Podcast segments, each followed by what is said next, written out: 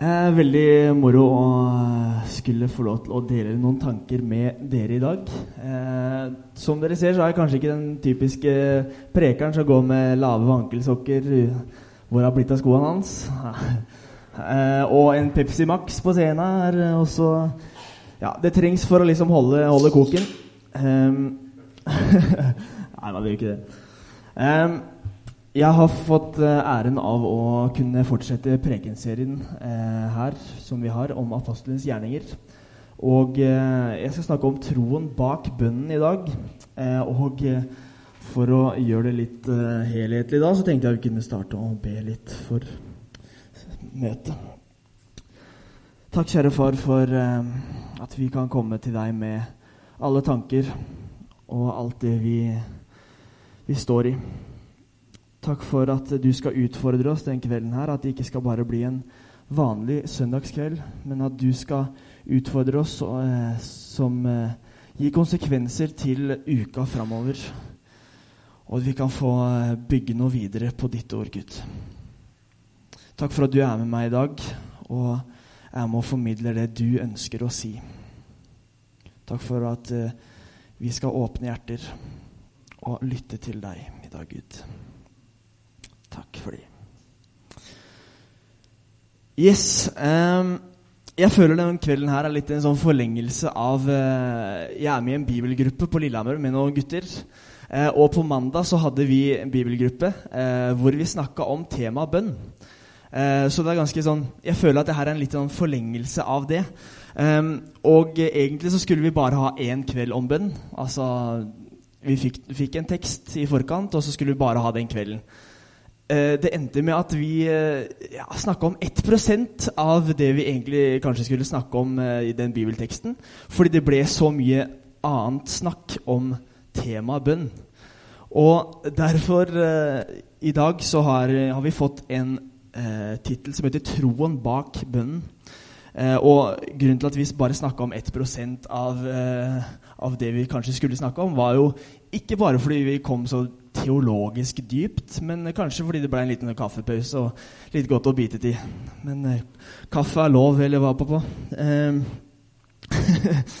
eh, men det er også det som gjør temaet bønn litt spennende. At vi har så ekstremt mye å ta av. Og derfor har Niklas, eh, Niklas gitt meg den preken her, eh, som handler om troen bak bønnen. Det handler ikke nødvendigvis om hva bønnen er, men om, eh, om hva som ligger bak bønnen vår. Eh, og når vi bruker tid i bønn, så blir vi påvirka. Eh, akkurat som i relasjoner med, med, familie, med venner, så blir vi påvirka av de vi eh, bruker tid med, og de vi Ja. Eh, og det som er med bønn, at hvis vi bruker tid i å pleie den relasjonen med Gud, så klarer vi kanskje å kjenne igjen mer av hans trekk. Litt som i familierelasjoner kanskje, og i venner. At du, når du har hatt en relasjon ganske over lang tid, og jeg regner med at dere har hatt noen relasjoner, dere som er litt eldre enn meg Jeg er ikke så rutinert på det, men, men jeg regner med at dere har noen relasjoner som Når dere har brukt mer tid med det, så blir det kanskje litt dypere òg. Eh, og det har jeg lyst til å snakke litt om. Eh, og eh, det med at vi kjenner igjen trekk ved Gud, det er eh, liksom hele poenget med det her. Eh, at vi skal bli mer lik Jesus og den lengselen vi har. At vi skal få lov til å ta del i den kraften som Gud sendte oss etter at Jesus for opp til himmelen gjennom Den hellige ånd. Men for at vi skal bli påvirka av det her, så tror jeg at vi trenger å utfordre oss sjøl. Vi trenger å koble oss på noe. Eh, og det krever at vi tør å gå utenfor boksen vår. Eh, og den, hele den temaserien her om apostelens gjerninger handler om å gå ut av komfortsonen. Eh, og jeg har kanskje gått ut av komfortsonen min i dag. Eller jeg, dere har kanskje hørt meg snakke en god del. Jeg tør å snakke foran folk, men det er første gang jeg snakker på et søndagsmøte her. Og jeg tror at de som preker på alle de søndagsmøtene her eh, i den temaserien, de trenger å gå ut av komfortsonen. For det er temaer vi kanskje ikke snakker ekstremt mye om. Det det er, ting som utfordrer oss. Ting vi kanskje har tenkt på, men ikke har snakka så veldig mye om før. Eh, og altså, talerne blir utfordra. De som sitter i salen, blir utfordra. Og vi som menighet blir utfordra til å ta noen nye steg. Um, og eh, en komfortsone er jo alltid ukomfortabel å gå ut av, naturligvis. Um, og um, vi kan få lov til å ta opp stafettpinnen eh, i det å gjøre gjerninger videre. Fordi det er en sånn menighet vi ønsker å være. En menighet som ikke bare formidler ord, gode ord, men en menighet som eh, gjør gjerninger. Og det er her vi kommer inn på apostlenes gjerninger. Eh, og troen bak bønnen det er jo en ganske sånn stor overskrift. Eh, og derfor, eh, Jeg kunne sikkert snakke om det i evigheter, men derfor eh, sa Niklas at nei, du skal snakke om troen bak bønnen. Du får ikke lov til å snakke om det mer i dag. eh, og eh, det er kanskje lurt å sette noen rammer på den gutten her. og noe som jeg er veldig glad for, ettersom jeg kanskje ikke er så ferdig utlærd som denne typen bak i hjørnet der. Eh, men jeg tenkte at vi i dag skulle ta et dypdykk ned i apostlenes gjerninger, kapittel 19, vers 11 19. Eh, og det her er jo ikke første gang vi leser om apostlenes gjerninger i det tidsrommet her. Naturligvis fordi vi har en prekenserie om apostlenes gjerninger. Eh, og vi har igjen tre søndager, inkludert den søndagen her, eh, hvor vi skal prøve å bringe fram noen sånn saftige godbiter fra den gode og utfordrende boka. Um, og har du gått glipp av noen av eh, prekene i serien her, så er, eh, ligger de ute på nettsida vår, så du kan høre hvis du har gått glipp av noen. Og så ligger det også ressurser ute med spørsmål som du og din smågruppe eventuelt kan, eh, kan diskutere. Eh, så jeg vil at vi kan eh, ta oss og gå inn i teksten. Hvis du har med Bibel, så er det å åpne den. Hvis du har med en Mo-bibel, så går det også an å åpne den. Eh, yes. Eh, til, eh, til, det kapitlet her, eller det som, det som har skjedd tidligere, er at etter å ha vært i Antiokia, så starter Paulus sin tredje misjonsreise. Eh, og eh, og eh, ja, den var på vei til Efesos. Eh, og de som var kristne der, hadde ikke ennå blitt døpt i Den hellige ånd eller døpt i vann. Men det var helt fram til Paulus kom dit. Og Grunnen til at jeg nevner det her, er fordi det er en viktig detalj, tror jeg. At når vi går inn i Eh, går inn i de versene her, så har allerede folka der blitt døpt i Den hellige ånd, blitt døpt i vann. Noe som gjør at vi kan få se, se noen tegn eh, utover i teksta her. Så jeg vil at de skal, eh, skal, lese sammen. Eller jeg kan gjerne være taler for folket og lese. Um, og vi leser i kapittel 19, vers 11. Uh, der står det Gud gjorde også uvanlige, kraftige gjerninger ved Paulus' hender, slik at selv svetteduker eller arbeidsforklær han hadde på seg, ble brakt til de syke, og sykdommene forlot dem, og de onde åndene for ut av dem. Eh, som vanlig så skjedde, skjedde, det tegn og under når apostlene fikk tak i denne Guds kraft. Eh, og eh, greia med Efesos var at det heller ikke var noe unntak her. Eh, at, og det som er ganske sjukt med den teksten, her er at noen til og med bare ved å ha på seg Paulus' klær, eller bare touche borti det, eh, så ble de helbreda. Og det her, eh, det her, kan kanskje bringe oss litt tilbake til når Jesus var på jorda òg. Når eh, hun syke, syke kvinna eh, tok tak i kappa til Jesus og ble frisk. Eh, og noen, noen av kanskje ikke-kristne, eller til og med kristne òg, eh, kan tro at ok, det her ja, Kan jeg tro på det? Og derfor kaller de det overtro. Eh, men den teksten her viser oss at Gud funker på så mange forskjellige måter, eh, og overraskende måter. Eh, så derfor kan vi si at det kan være enkelt å tro på, selv om mange, mange synes at de metodene her er merkelige. Videre i vers 13 så står det Noen av de omreisende jødiske demonutdriverne begynte da selv å påkalle Herren Jesu navn over dem som hadde onde ånder. De sa, 'Vi driver dere ut ved den Jesus som Paulus forkynner'. Lukas, som har skrevet apostlenes gjerninger, hinter faktisk her til at eh, det finnes flere av de der jødiske demonutdriverne. Eh, og eh, grunnen til at vi kan se det, er at han nevner noen her i teksta. så det var flere. Men at de jødiske demonutdriverne liksom påkaller Jesu navn, det kan vi, vi se på som et sånn type kompliment eh, for, eh, for, Guds kraft. Eh, fordi at eh, Eller altså Som var virksom gjennom apostlene. Eh, og det her betyr at folk og personer som ikke var kristne, fikk se tegn og under, og så at det var noe som hadde makt over de onde åndene her. Og var, den makten var det, det, som fulgte de kristne, de som hadde påkalt Jesu navn. Um, og vi leser videre i, i, vers 15 her. Den onde ånden svarte og sa, 'Jesus kjenner jeg, og Paulus vet jeg hvem er.' Men uh, hvem er dere? Han sa, Den onde ånden her sier det til de jødiske demonutdriverne. Hvem er dere? Jeg, altså jeg veit om hvem Jesus er, jeg veit om hvem Paulus er. Men her, her, er det noe gærent. Hvem er dere? Hva gjør dere? Hvorfor, hvorfor sier dere de tinga her?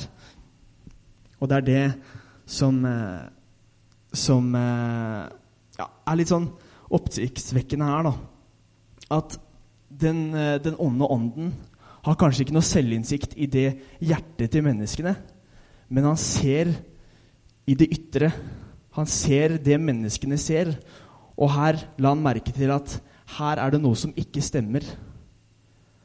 De, og grunnen til at han så det, var fordi han merka at de jødiske demonutdriverne her har ikke noen åndelig autoritet bak seg.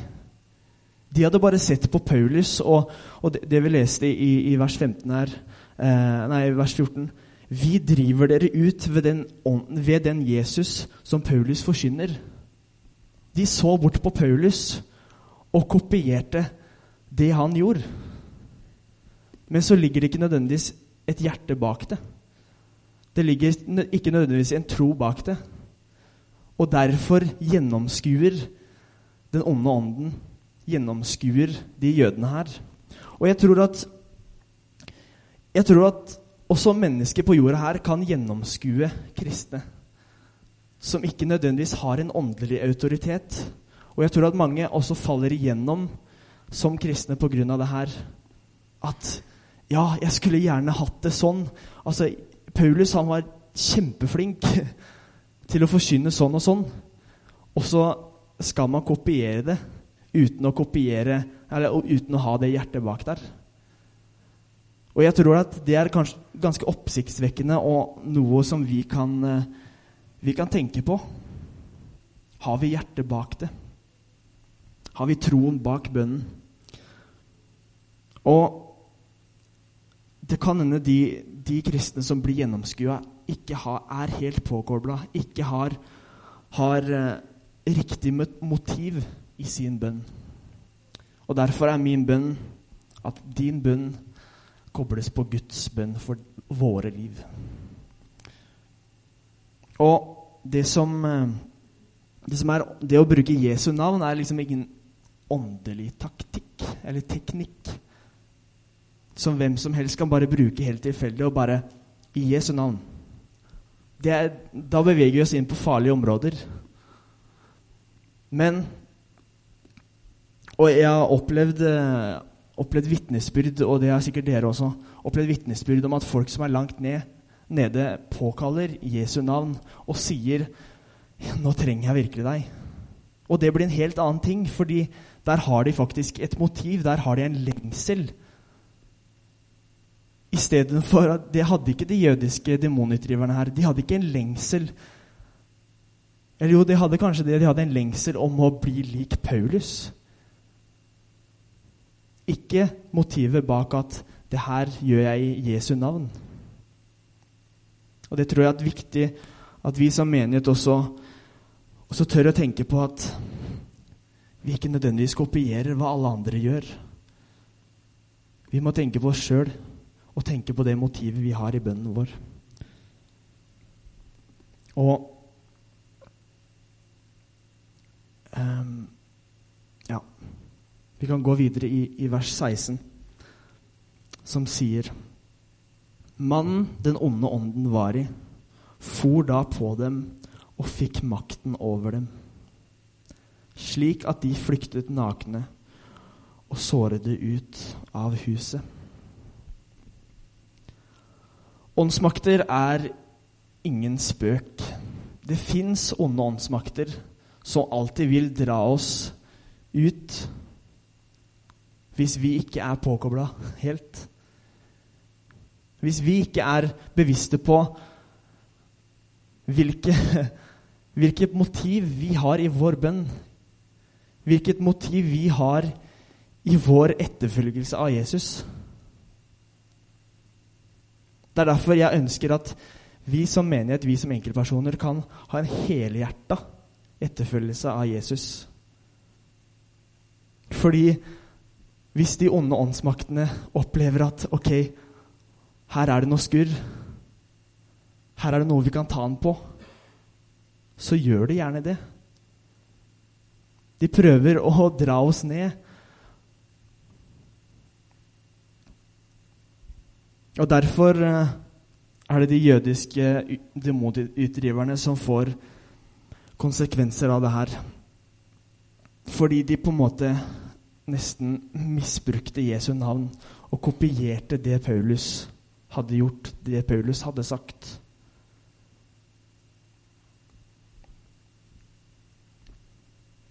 Og her skjer det motsatte av det som skjedde med den trollmannen som het så meget som Bar Jesus.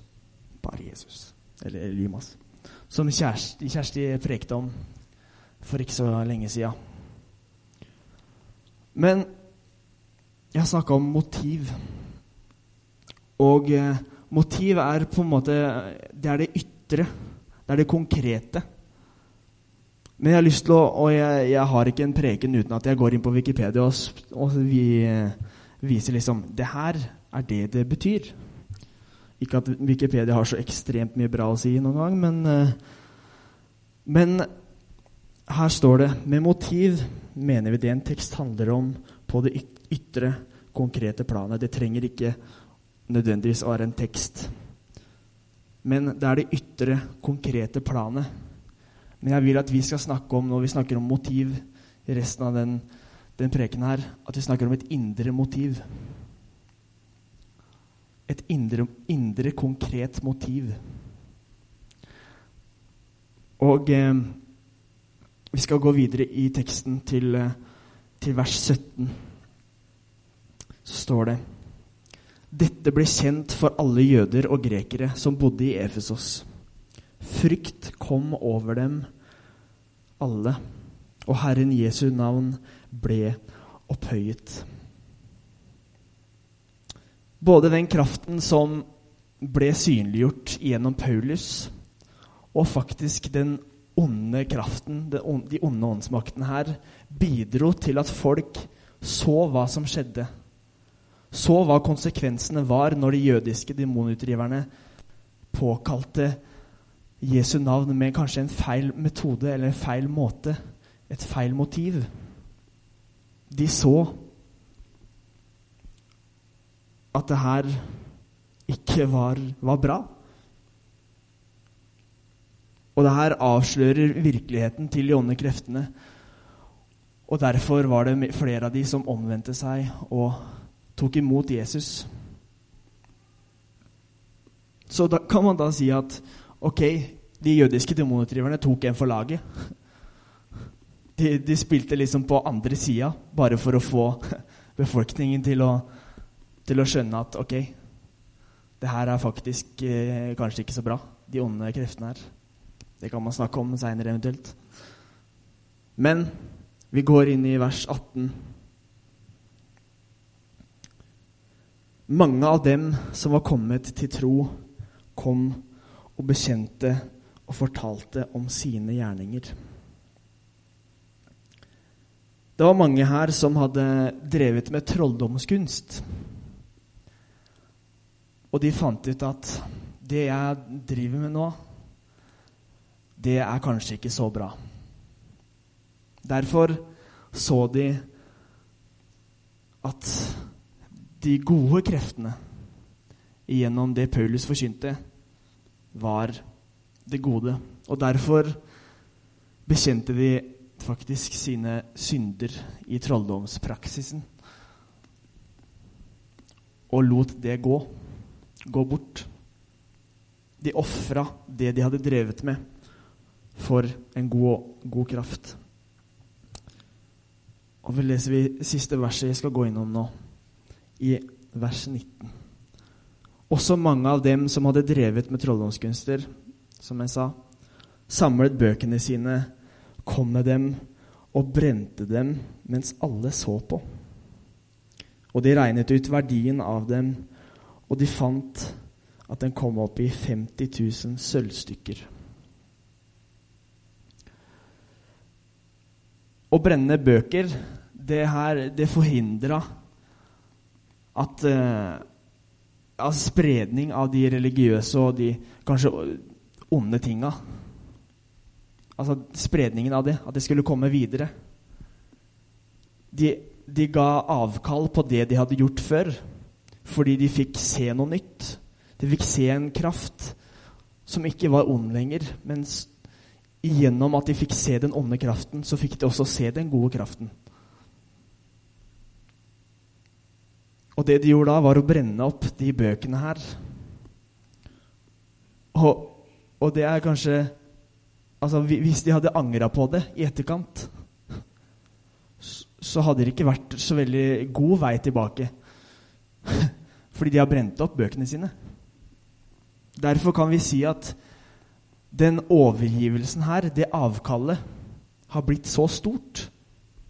Fordi de har både sett det onde og det gode gjennom de jødiske demonutdriverne her. Og de bøkene her var da verdt mye. Lukas skriver, skriver det, og derfor Altså 50 000 sølvmynter, jeg vet ikke hvor mye valutaen var på da, eller hva krona lå på da, men, men i hvert fall det var mye penger, fordi Lukas gadd å skrive om det. Da betyr det noe. Og hva er det vi kan lære av den teksten her? Og jeg tror vi, tror vi alle har fått en sånn heads up. Sånn ah, Ok. Det her handler om et motiv. Det handler om et motiv og et avkall og hjertet vårt. Jeg, jeg skal ta med et, eh, et bibelvers fra Markus eh, 16, 17. Og eh, for anledningen til det så har jeg lyst til å si at jeg leste en eh, jeg har fått en slik eh, fin bibel fra menigheta. Den har jeg brukt hyppig nå i ja, helt siden da, men spesielt nå denne uka her, hvor jeg har forberedt meg. Og der står det så meget sånn Autoriteten er i Jesu navn. Er i Herrens Jesu navn bare gitt til de troende. Og så står det da et bibelvers som knyttes til det her. Da står det Disse tegn skal følge dem som tror. I mitt navn skal de drive ut demoner, og de skal tale med nye tunger. Og så Videre så står det Jesu navn er ikke gitt som et magisk ord som garanterer gode eller dårlige resultater. Det er ingen garanti for kraft når det uttales med feil motiv. Særlig ikke når situasjonen gjelder kirkelige handlinger. Når det imidlertid anvendes tro ved åndens kraft, kan en forvente hans makt. Derfor må enhver bønn eller forsøk på tjeneste i Jesu navn være i overensstemmelse med hans natur og hans hensikt. Mm. Vi har en autoritet som troende, og derfor tror jeg det var en viktig detalj i det vi gikk inn i teksten, at Paulus, når han kom til Efesos, så hadde de blitt døpt i Den hellige ånd, døpt i vann. Så de troende kunne få en autoritet. Og så står det Vi har snakka litt om det her på bibelgruppa, at eh, det, er litt vanskelig, vanskelig det temaet med bønn, fordi man tenker hele tida at eh, ja, men jeg får ikke svar. Jeg får ikke svar på de bønnene jeg har. Og, og hvorfor, hvorfor, skjedde det her når jeg ba om en annen ting? Og jeg skal ikke gå inn på noen sånn debatt eller noen ting nå, fordi det er et tema som kan snakkes så ekstremt mye mer om. Men jeg tror at mye av, mye av greia her ligger med troen bak bønnen. Motivet bak bønnen. Og i uh, Johannes 14, 13 så står det hva som helst dere ber om i mitt navn, det skal jeg gjøre. Så Far skal bli herliggjort i Sønnen. Dersom dere ber noe i mitt navn, skal jeg gjøre det. Hvorfor Hvorfor skjer det ikke ting da jeg ber da? Hvorfor skjer, skjer ikke de tinga jeg ber om? Man kan bli veldig frustrert av det her, og jeg har blitt frustrert av det sjæl òg. Men jeg tror at vi ofte tenker på bønner og ber en selvsentrert bønn. Vi ber bønner i vårt eget navn, og ikke nødvendigvis i Jesu navn. Og Jesus sier her, som, som vi sang så fint i stad, at vi kan komme med alt til Jesus i bønn. Ja, det kan vi. Og det er tid for å klage, det er tid for å og si til Gud Hører du meg ikke? Det er en del av det å tro. Tvilen er også en del av å tro. Men jeg tror at vi trenger å ha et motiv bak bønnen.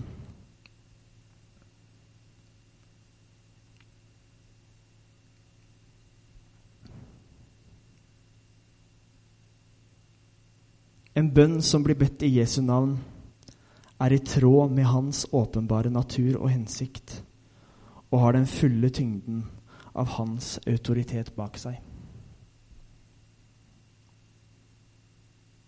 Hva er ditt motiv bak dine bønner? Jeg vil at vi skal utfordre oss selv til utfordrende bønner. Og det er det vi gjør i denne temaserien her, at vi går ut av komfortsona vår Og det er ukomfortabelt. Og det er, det er, sånn det skal være. For det er ikke alltid like lett å tro på at Gud er god hele tida. Det er ikke det.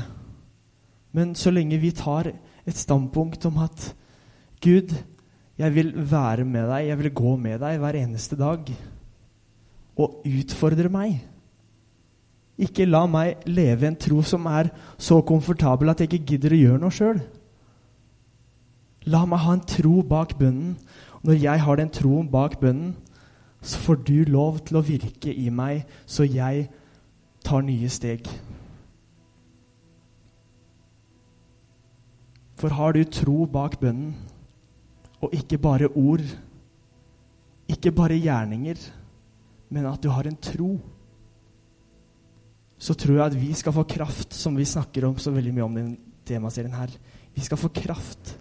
Og kraften er blitt gitt til de troende. Men tror vi på det?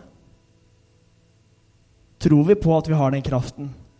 Tror vi på at vi kan fortelle våre venner, vår familie, om Jesus? Tror vi på at vi skal gå gjennom dødsskyggens dal da? Det er der motivet ligger. Motivet mitt ligger i Jesu navn. I hva hans bønn er for meg.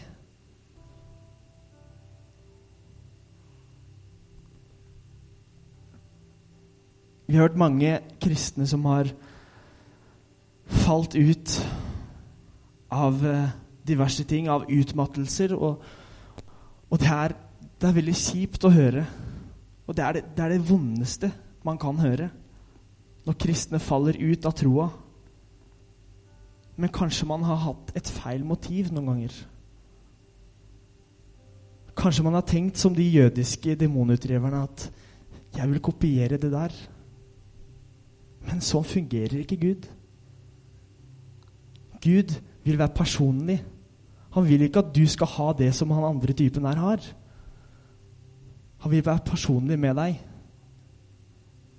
Og Da tror jeg det, henger en tro bak det. Tro at Gud har noe personlig for meg. La oss ikke miste troen vår. La oss ikke miste motivet vårt. Og Derfor vil jeg at vi skal be i Jesu navn til slutt i dag. Jesus, takk for at du utfordrer oss til å tenke på ting som vi ikke tør å tenke. Takk for at du er personlig med oss. At du vil ha noe med hver og en av oss.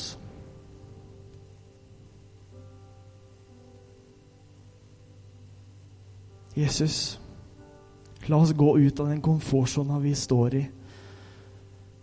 La oss bli utfordra av deg. For så lenge vi har en tro bak bønnen vår, så kan du gjøre store ting gjennom oss. La oss ikke falle bort, men la oss være grunnfesta i den troen.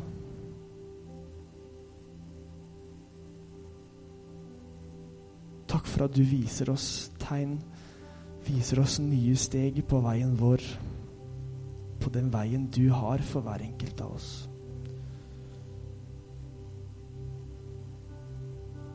Vi legger det her i dine hender. For du står der hele tida. Alt avhenger av oss. La oss få se at det faktisk står på oss. At vi kan tro på deg, uansett om det er vanskelig eller om det går godt. At vi kan ha en tro bak bønnen. I Jesu navn. Amen.